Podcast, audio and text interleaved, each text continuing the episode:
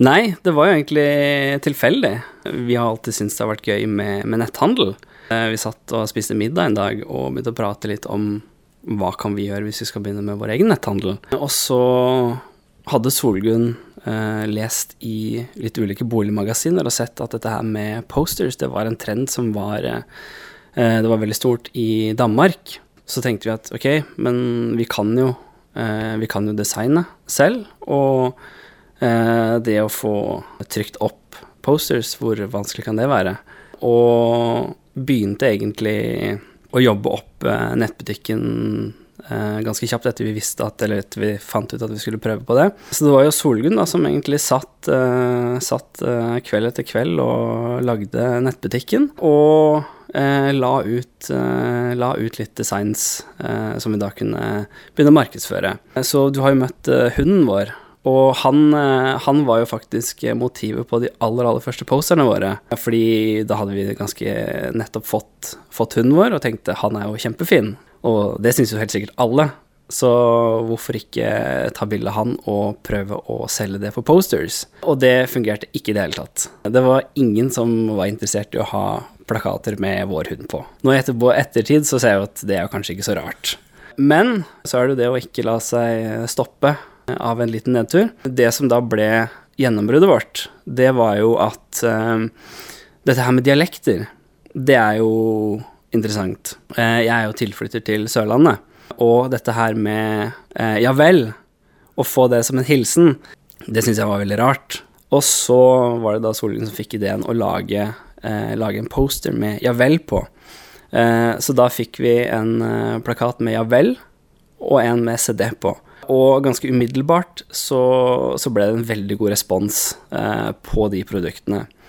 så da fikk vi faktisk eh, en del salg eh, ganske fort etter vi hadde lagt ut de, og så tenkte vi dette her fungerer. Og dialekt, det er det massevis av i Norge.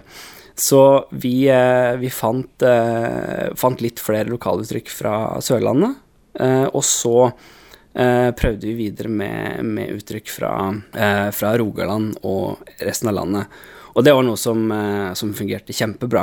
og det var kjempegøy å se se, at vi faktisk klarte å selge noe som vi hadde, hadde lagd helt selv. Det var et skikkelig, skikkelig kick. Kjempegøy. Men eh, Petter, én ting er å ha en eh, tanke. En annen mm. ting er å gjøre det om eh, til virkelighet. Mm. Det er jo en, kanskje også et tøft valg å ta? Etter hvert når man tenker på å skulle si opp jobben sin og begynne fullt, så er det jo det. Men helt i starten så var det bare noe vi drev som en hobby. Vi gjorde alt hjemmefra i leiligheten vår i Vågsbygd. Vi hadde lager på, i loftstua vår. Hvor eh, ja, Solgunn pakka og fikk litt hjelp av en venninne innimellom. Og jeg hjalp til på ettermiddag og kvelder når jeg kunne, og ja, min hovedoppgave var egentlig å kutte til rør, sånn at vi ikke fikk for mye porto for å sende posterne våre. Så jeg ble veldig flink til å kutte til rør med tapetkniv. Men etter hvert så har jo Picture It blitt litt mer. Mm. Det er mer enn bare posters og plakater i dag. Mm, det er det. Så en av de store utfordringene det er å finne ut hva er det folk eh, vil ha. Og vi så jo det at uh, dialektposterne de solgte veldig bra til et visst punkt, men så er det jo litt begrensa hvor mange mennesker som vil kunne kjøpe disse plakatene. Eh, så vi hadde jo ble nødt til å teste andre typer produkter. Så vi har jo solgt veldig mye Eh, posters med familie, tekster på beskrivelse av mamma, pappa osv. Og så har vi tatt eh, det konseptet videre på, på smykker. Eh, vi fikk, vi fikk produsert armbånd med mamma, tekst, pappa osv., og, så og det var noe som solgte veldig bra som julegave. Så vi tar inn små volum, og så spør vi følgerne våre på Facebook er dette her noe du har lyst på.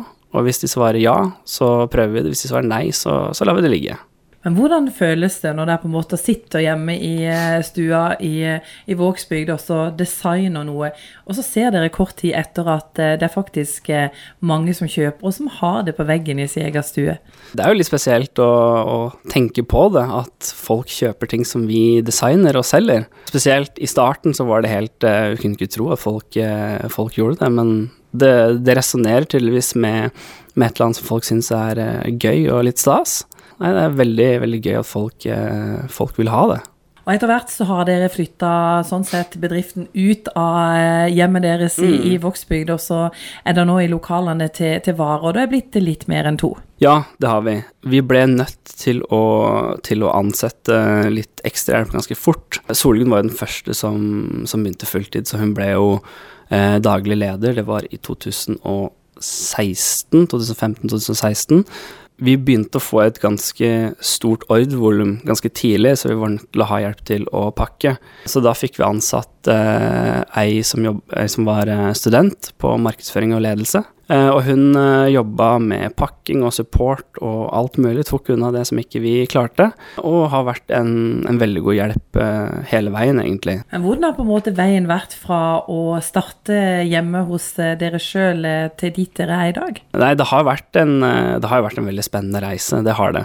Altså, det er jo mens man sitter i det, så har man ikke tid til å reflektere så veldig mye over det, for det, så, det går så fort. Men altså, det har jo vært, det har vært mye moro, det har vært mye utfordringer. Det er jo dette her å finne, finne riktige produkter.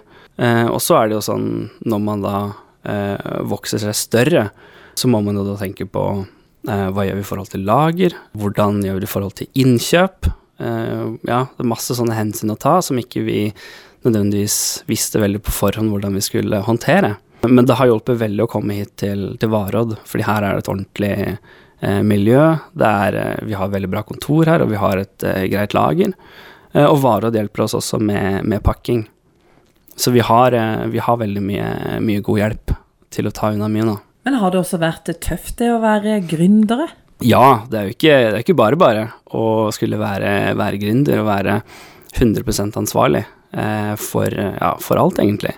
Altså, det kan være tungt å se hvis salget uteblir en periode, og tenke shit, det er jo faktisk jeg som er helt ansvarlig for dette her. Nå, nå, må vi finne på et eller annet, hvis ikke så kan det være at det ikke blir så greit. Men så må man jo da eh, støtte seg på tidligere år og se at vi, vi har en trend som vi, som vi følger.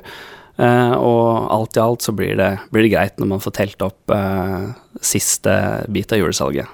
Dere begynte altså med posters og plakater. Nå har dere utvida sortimentet ganske mye. Mm. Hva tenker du om eh, fremtida for Picture It? Det er jo et uh, godt spørsmål. Uh, litt av det vi ønska å få til, var at ikke vi skulle ha en veldig konkret plan eller strategi, fordi eh, vi har lyst til å uh, følge de impulsene som vi ser. Og det kan, uh, det kan være at vi skal, uh, skal teste ut mer intervjuartikler, det kan hende at vi skal lage mer posters, det kan hende mer smykker, ja, masse forskjellige muligheter.